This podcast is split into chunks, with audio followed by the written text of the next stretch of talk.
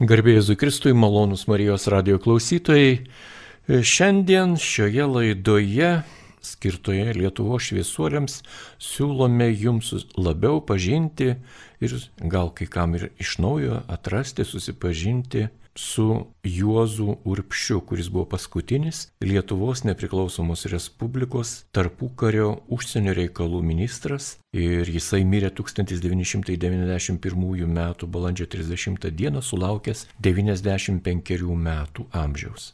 Palaidotas jis yra Petrašiūnų kapinėse, jis buvo ne vien tik diplomatas, politikas, bet ir literatas, vertėjas, Žinoma, turėjo ir dar specifinę lietuvišką profesiją - tremtinys, kalinys. Tai irgi reikia turėti tam tikro pašaukimo. Ir žinoma, uolus katalikas. Ir apie šį nuostabų asmenį mums maloniai sutiko papasakoti ir pasidalinti Povilas Urpšys, tos pačios giminės žmogus. Taigi Povilas Urpšys yra gerai žinomas Lietuvoje ir Seimo narys, ir nacionalinio saugumo tarnyboje ėjęs pareigas ir sąjūdžio, Lietuvos persitvarkymo sąjūdžio tarybos grupės narys. Ir šį asmenį mes pažįstame, suprantame ir džiaugiamės, kad jis atvyko į Marijos radiją. Taigi sveikinuosi su Povilu Urpšiu garbė Jėzui Kristui. Ramžius. Labai dėkojame, kad esate čia ir galėsite betarpiškai, kaip pas jūs giminėjai įprasta, papasakoti apie labai iškilų Lietuvo žmogų, apie diplomatą, apie užsienio reikalų ministrą. Net nežinau, nuo ko reikėtų pradėti. Istoriškai daugelis gali tos medžiagos susirasti ir internete, ir enciklopedijose, ir kur kitur. Galbūt pradėkime nuo to, kas jis jums buvo, kaip jūs jį prisimenate, koks jis buvo. Visų pirma, laba diena visiems klausytojams ir tik tai norėčiau šiek tiek pataisyti pokalbio pradžioje, aš buvęs Seimo narys. Tai ir kalbant dabar apie Juozą Urpšį, Tai tikrai jis buvo mano senelio brolis, bet kadangi mes neturėjome progos matyti juos gyvus, čia dėka ar nedėka okupacijos, nes amžinatilisi jie atgulė Sibiro žemėje, to jau palaikai beveik visų buvo perkelti į Lietuvą. Tai mums Juozas Upšys buvo senelis. Ir kai jisai grįžęs iš kalinimo vietos, gyvendamas Kaune rašė laišką savo seseriai, kuri buvo 44 metais emigravusi į Venezuelą. Tai jisai rašė, kad aš dabar funkcionuoju kaip savo brolių vaikų tėvas ir jų vaikų senelis. Tai ir todėl teko pažinti jį ne kaip užsienio reikalų ministrą, visų pirma kaip žmogų, kaip senelį Juozą. Jis jums taip ir buvo, senelis Juozas. Ar mylėjo jūs? Tikrai ir ta meilė buvo labai nuoširdi. Ir kiekvienas iki, kai atvykdavom į svečius, jis labai smulkiai klausinėdavo mus, kaip mums sekasi. Kai mes jau tapome suaugę, sukūrėme šeimas, jis klausinėjo apie mūsų vaikus. Ir jis mus apdovanodavo tais siuntiniais, kuriuos gaudavo iš užsienio. Ir mano pirmo sūnaus Laurino puošniausias drabužis kaip kūdikio buvo padovanotas senelio Juozo. Ir jisai domėdavosi e, mūsų, kaip pasakyti, mūsų, nu, kaip ir darbais, ir kaip mums sekasi mokslai.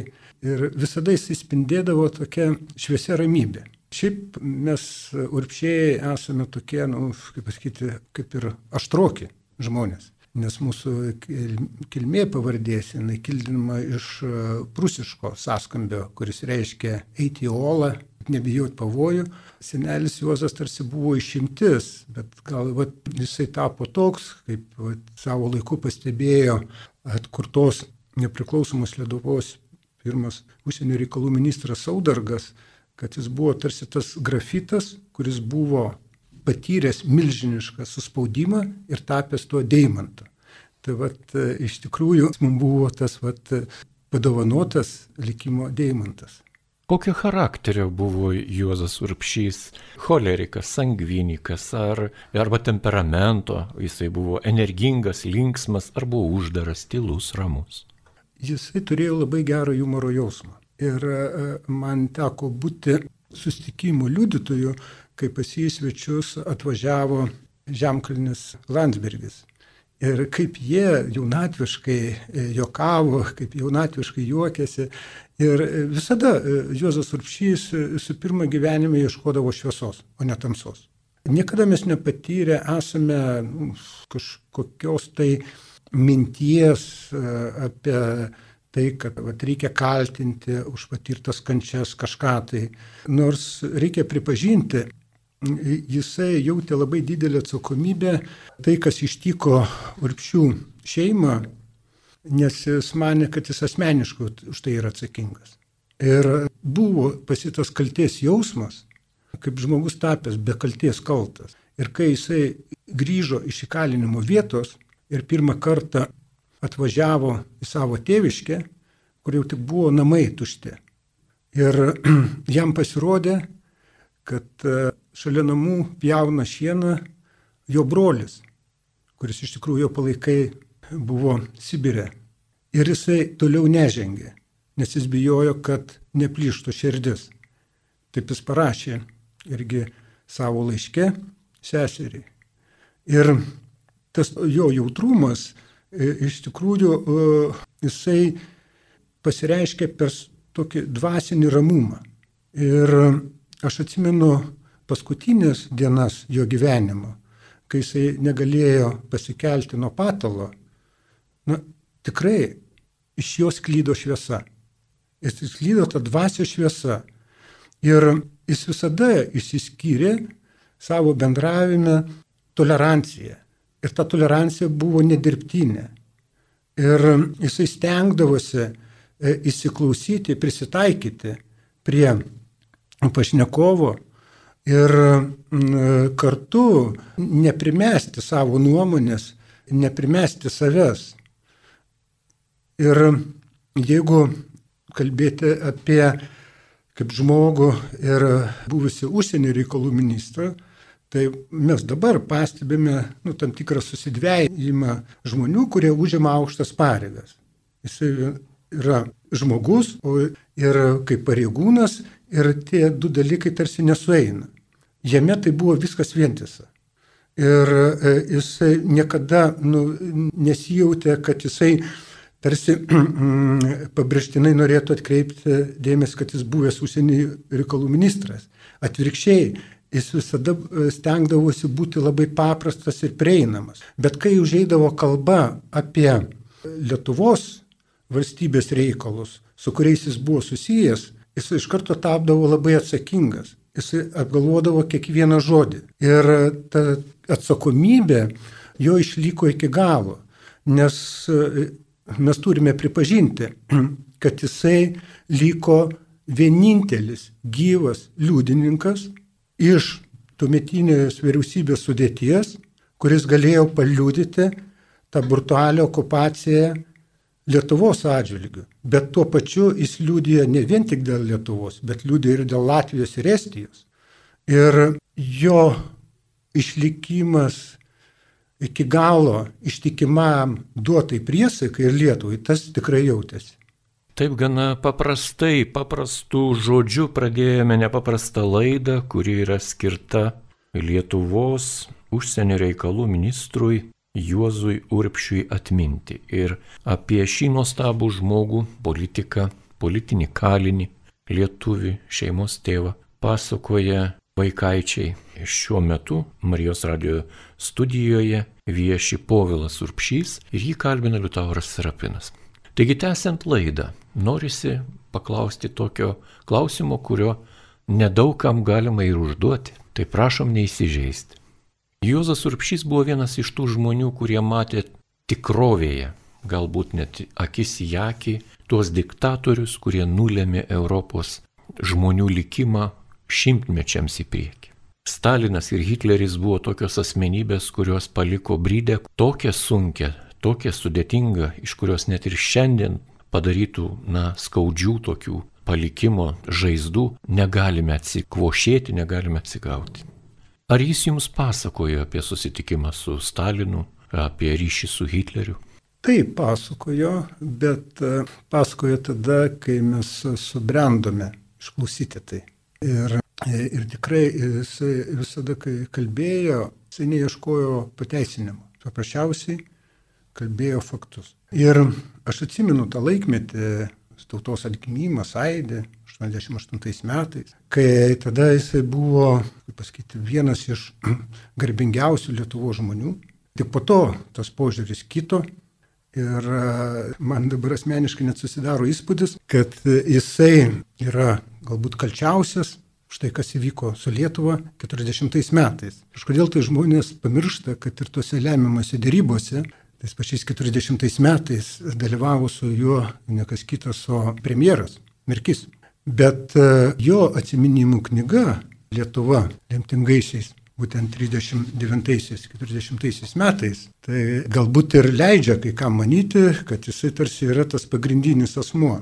Man tai keista irgi klausyti tuos vertinimus ir net bandyti mesti šešėlį ant jo kaip asmenybės, vos nepasakyti, kad jis toks šai minkšta kūnis, nu žmogus, kuris pasidavė spaudimui. Ir man keista matyti, kaip istorikai, jie bando nagrinėti tuos įvykius Lietuvoje, ištraukdami iš bendro konteksto. Na, sakykime, e, jis tampa užsienio reikalų ministru, tai tuo metu, kai Lenkija paskelbė ultimatumą e, Lietuvai. Ir traktuojama taip, kad štai pat ir e, Lietuva tarsi pasidavė spaudimui.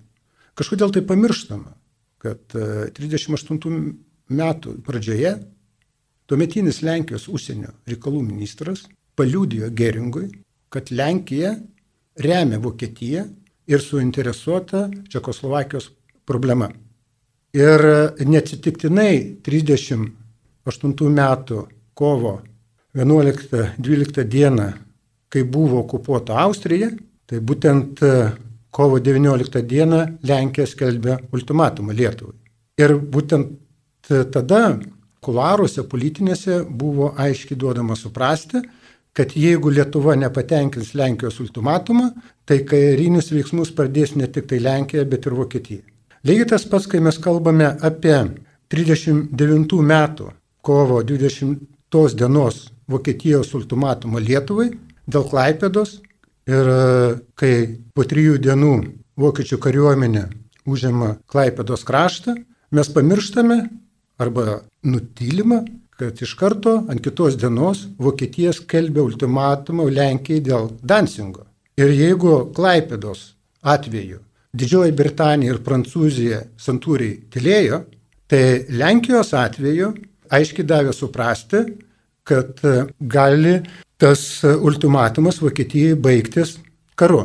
Tai vad e, aiškiai matyti, kad tuo metu Lietuva ir Lietuvos valdžia, jinai buvo susidūrusi su neįlyniais išbandymais, bet praktiškai buvo palikta viena. Ir aš manau, kad tie veiksmai, kurie jau buvo daromi, jie buvo daromi žiūrint į bendrą kontekstą, tarptautinį ir politinį. Tai vad e, ir aš atsiprašau, kad aš nukrypau į istorinius dalykus, bet jeigu mes dabar analizuojam Juozo Urpšio vertinimus ir bandymas parodyti jį kaip tokį, kuris tarsi bando patenkinti bet kokius interesus tų, kurie kesinasi į Lietuvos laisvę, tai yra netiesa. Ir net 40 metų, birželio mėnesį, kai e, įžengė sovietų kariuomenė į Pabaltijo valstybės, tame tarp į Lietuvą. Kažkodėl tai yra nutilima, kad tuo metu pusantro milijono prancūzų ir britų kariuomenė buvo apsuptyje ir kad tuo metu į Paryžių įžengė nacijų kariuomenė. Ir praktiškai, jeigu mes dabartiniam kontekste kalbame apie savo laisvę, mes kalbame apie NATO kontekstą, mes kalbame apie tarptautinę paramą. Tuo metu tos paramos jokios nebuvo. Ir jeigu tie sprendimai, kurie buvo priimti, kad ir dabar dėl Vilniaus krašto, kodėl, kažkodėl tai yra pamirštama, kad tais 39 metais rūdienį į Estiją buvo įvesti 25 tūkstančiai sovietinių karių, į Latviją 21 tūkstantis, į Lietuvą 19 tūkstančių. Bet Lietuva sugebėjo toje situacijoje išgauti tą susitarimą ir atgauti Vilnių ir Vilniaus kraštą. Nors buvo sakyta, mes turim Vilnių, bet mes jau rusų, bet nereikia pamiršti tuo metu, kad Estija ir Latvija, jinai buvo ir liktai jau okupacijos pradžioje, bet iš esmės jie iš Sovietų Rusijos nieko negavo. Tai aš norėčiau pasakyti, jeigu tie, kurie skaito, kad Juozas Urpšys yra kažkoks tai konformistas, tegul tada jie man paaiškina, kodėl šitas žmogus, sėdėdamas vienutėje, 43-44 metais Stalinui rašo memorandumą. Jis bando jam įrodyti, ko būtų naudinga atstatyti Lietuvos nepriklausomybę. Jis tuo metu kalėjime net neturėjo vardo ir pavardės, jis turėjo tik tai kalinio numerį. Tie, kurie teigia, kad jisai e, nu, toks kaip ir minkštakūnis, tai po įkalinimo grįžus į Lietuvą, kai jį pradeda spausti KGB, kad jis parašytų atminimus tokius, kokius jiems reikalinga, jisai 64 metais vykdomo komiteto tuometiniai pirmininko pavaduotojai, kurie irgi dalyvavo tame žaidime KGB, įteikė atminimus apie susitikimus su Stalinu. Ir jisai neslėpdamas tiesiai šviesiai parašė, taip kaip buvo, visą tiesą.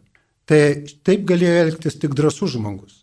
Ir tai, kad jo nepalaužė nei kalėjimai, nei okupacijos laikotarpį. Ir tai, kad jisai lemiamų momentų Lietuvos laisvės byloje tapo svarbiausių liudytojų, tai man atrodo parodo asmenybės stiprybę, o ne silpnybę.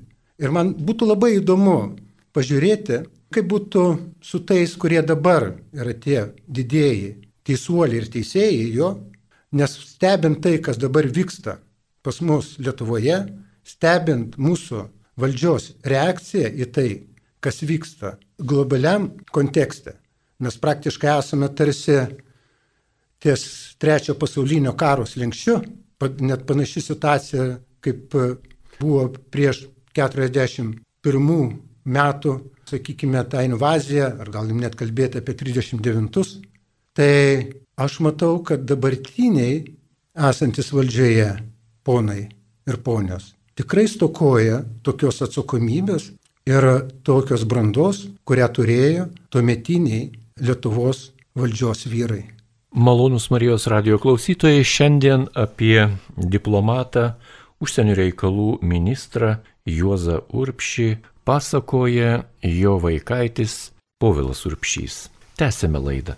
Prisimenant Juozą Urpšį ir sklaidant, sakykime, va, Lietuvos didžiąją enciklopediją, mes randame įrašus, kurie iš tikrųjų labai šį asmenį įprasmina, nes tai asmuo žmogus, kuris ėjo ypatingai atsakingas pareigas Lietuvos valstybėje, kuri buvo naujai atkurta, tai buvo demokratinė maža valstybė Europoje su visiškai nauju keliu. Ir šios valstybės tarnautojai, ar būtų politikai, ar ministrai, ar kariuomenės gydytojai, ar mokytojai, jie visi buvo naujai užauginti ir naujai suformuoti specialistai. Stebina tai, kad tie žmonės tuometiniai nebijojo atsakomybės, nebijojo darbo, nebijojo sunkaus darbo, sunkios naštos. Ir nesiekė savanaudiškumo. Jie buvo tikri tokie, na, šiais laikais net žodžio mes tokio neturime. Altruistais nepavadinsi, geradariais nepavadinsi, kokiais tai, sakykime, egoistais irgi nepavadinsi. Tiesiog kitokie žmonės. Jie buvo kitokie žmonės, nei daugelį atvejų mes dabar matome įvairiose srityse dirbančius asmenys. Nekritikuoju, bet kalbu tik istoriškai, stebint tam tikrus dalykus. Na ir gerbiamas Povilai, jūs pažinojote Juozą Urpšį. Kokią mintį jums vaikams jisai stengdavosi įdėkti? Kokį žodį jis jumise stengiasi palikti jūsų gyvenimui, jūsų ateičiai? Tokio žodžio liktai ir nebuvo. Tiesiog jisai savo pavyzdžių mums galbūt priminė patį svarbiausią - išlikti padariai žmonėms.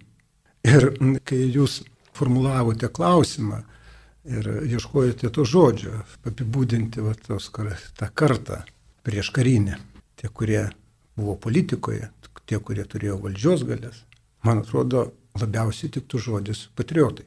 Ir kuris, tarp kitko, šiomis dienomis yra nu, tarsi pamirštamas ir, ir faktiškai nu, nenaudojamas kaip arhaiškas. Bet man atrodo, uh, Ukrainoje, dabar kai kaunasi dėl savo laisvės, tai tas patriotizmas ir patriotas, tai yra, na, nu, kaip pasakyti, visiems suprantamas žodis.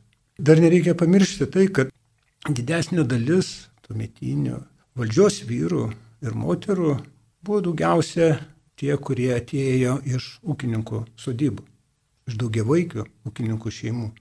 Ir būtent tos vertybės moralinės, kurios buvo formavusi, jos formavusi tų šeimų aplinkoje. Čia galiu paminėti tokį pavyzdį. Tai vat yra e, kuri, knygoje, kuri pasirodė praeitais metais, pakartotinas leidinys Lietuva lemtingaisiais 39-40 metais, yra publikuojamas Jos Urbčio laiškas broliui Montanui. Ir vyresniam broliui, tas brolis, reiškia, prasidėjus pirmam pasauliniam karui, jisai yra mobilizuojamas į Rusijos kariuomenę, o tuometinis Jozas Urpšys yra 20 metis studentas. Tai Jozas Urpšys rašo, mielas Antanai, aš vakar tau rašiau vieną laišką, bet užmiršau parašyti apie tavo pasiūlymą atsiųsti man šiltus marškinius ir kelnių. Man nei marškinių, nei kelnių nereikia, bet parašyk, iš ko tu būtum pirkęs. Jei nuo kareivių ar, ar iš krautuvių. Jei nuo kareivių, tai atmink, kad tas užginta. Juk negalima-gi kareiviškų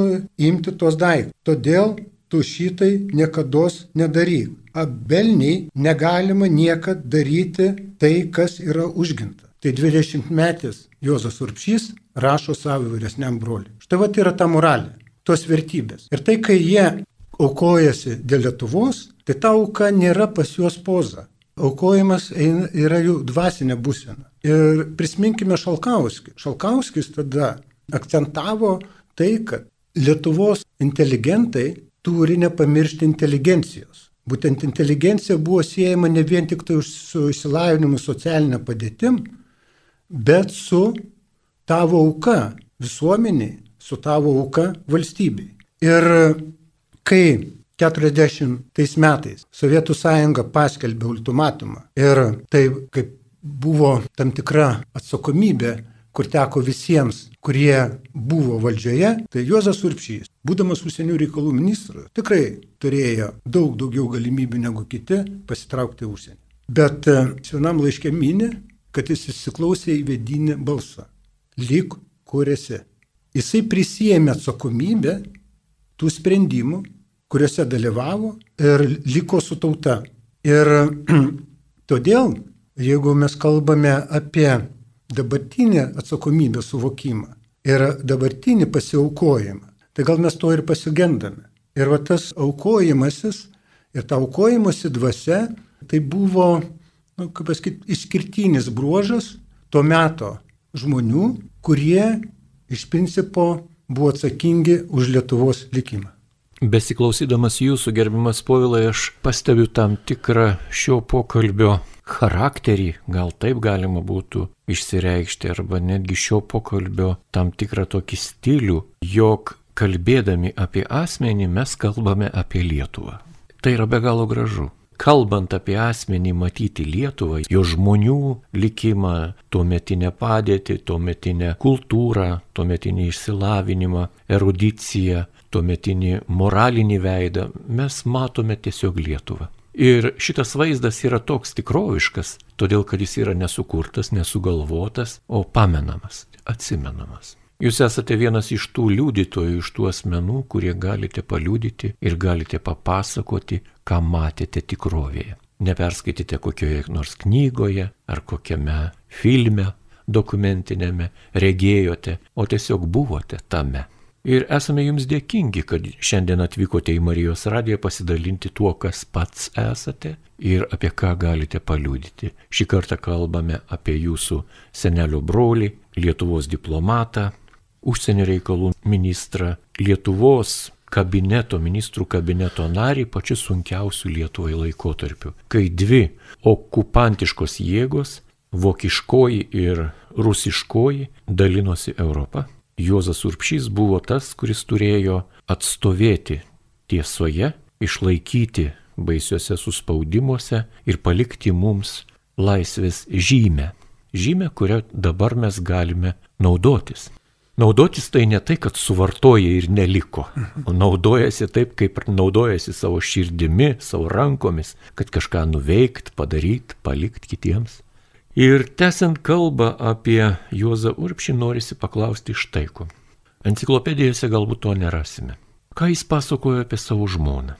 Kai grįžo po tremties, jisai buvo labai ilgai nutremtas į Veznikų tokią gyvenvietę, Vladimiro srityje, jis ten berods dirbo kasininkų pirtyje, ar ne? Ar taip įsivaizduojat, kokia Rusija yra galinga ir turtinga valstybė. Jos net pirties kasininkai buvo užsienio reikalų ministrai. Taip, mes galim pasidžiaugti savo kaimynais. Mes tokių, pavyzdžiui, pirties kasininkų tai neturime ir niekada neturėsim. O jie turi galingą valstybę. Tai, bet jeigu nebravūriškai žiūrėti, ką jis pasakoja apie tremtį jums vaikams, Ar kalbėjo Zopo kalba, ar kaip kitaip? Tikrai e, mūsų, nu, kaip pasakyti, va, kaip jau jo anūkams, e, jo brolių, jisai nepasakojo apie kalėjimus, apie išgyvenimus, jis tik norėjo mus apsaugoti. Bet e, jūs minėjote Veznikus. Tai Veznikus jie buvo paleisti iš kalėjimo, nes būtent kai 40 metais, dar prieš tą stojimo farsą Sovietų sąjungą, Veleckis asmeniškai pasirašė dokumentą, kad kaip pavojingus Lietuvos valstybei izoliuoti Merkį ir Urpšę su šeimos nariais. Jie taip atsiduria Tambovė, prasidėjus karui, jie yra visi įkalinami ir per visą tą laikotarpį jie būna kalėjimuose ir, kaip aš minėjau, 11 metų vienutėje. 11 metų vienutėje Juozas Urpšys, 11 metų ir Marija Mašiotaitė Urpšienė, 11 metų ir kiti vyriausybės nariai, nes pasirodo tiek Latvijos ir Estijos vyriausybės nariai, jie buvo nu, etopuojami kartu. Nors jie nežinojo, ar yra. Ir įdomi detalė, kad, nu, įsivaizduokite, juos įkalina kalėjime ir kurį laiką tiek Jozas Urpšys ir Marija Mašiotaitė Urpšienė nežino, koks ištiko likimas. Ir tas laikas buvo gan ilgas, kai jie nežinojo. Jie tik tai matė kamerą ir e, matydavo prižiūrėtoją. Ir tie begaliniai etapai. Ir kai viename kalėjime, kai vedė vieną kalinį, tada kitą kalinį nusukdavo veidų sieną, kad jis nematytų to kito. Ir akies krašteliu Jozas Uršys pamatė, kad veda Mariją. Tai buvo ilgos pertraukos, tikrai paliūdėjimas, kad jinai yra gyva. Ir buvo tas jų susitikimas. Ir kai jie buvo paleisti iš, iš kalėjimo be teisės grįžti į Lietuvą, jie atsiranda Veznikose. Taip, kaip pasakyti, jam patikė labai svarbu darbą pirtyje, kaip pasakyti, būti kasininku. Bet kai juos aplankė paslapčia Čiurlinienės dukra, jinai buvo nustebusi, kaip jie vienas kitą nu kaip pasakyti, ne taip gerbė, bet vienas kaip kitą saugojo. Ir įdomiausia tai, kai jie išėjo į Veznikų gatves, tai reikia suprasti, to Sibiro pokario, kad ir tie 54 metai, tai yra, šiuo atveju, nu, nebuvo nei asfaltų, nieko, ten yra purvos, lentos ir taip toliau. Bet jie pakvietė ją pasivaikščioti ne po Veznikų, ten kokios nors tarybiniais pavadinimais aplipintomis gatvėmis, bet pakvietė į Paryžiaus gatves. Jozas Urpšys su Marija Mašiotaitė susipažino dirbdamas Paryžiuje ambasadoje. Tai buvo jų meilės miestas. Ir kai jie buvo išleisti į kalėjimą, jie Veznikose sukuria tą at, Paryžiaus aurą. Ir tom gatvėm suteikė Paryžiaus gatvio pavadinimus. Ir jie kvietė ją pasivaikščioti, sakydami va tos Paryžiaus gatvio pavadinimus. Ir va čia va yra būdingas va, tas Juozo Urpšio, va, tas, visada matyti šviesą. O, o tas santykis su mm, Marija Maša, jisai buvo ypatingas. Aš tik prisimenu, kad jis lab, su didelė pagarba kalbėdavo apie ją. Ir aš manau, meilė jai, jinai išliko visada su juo.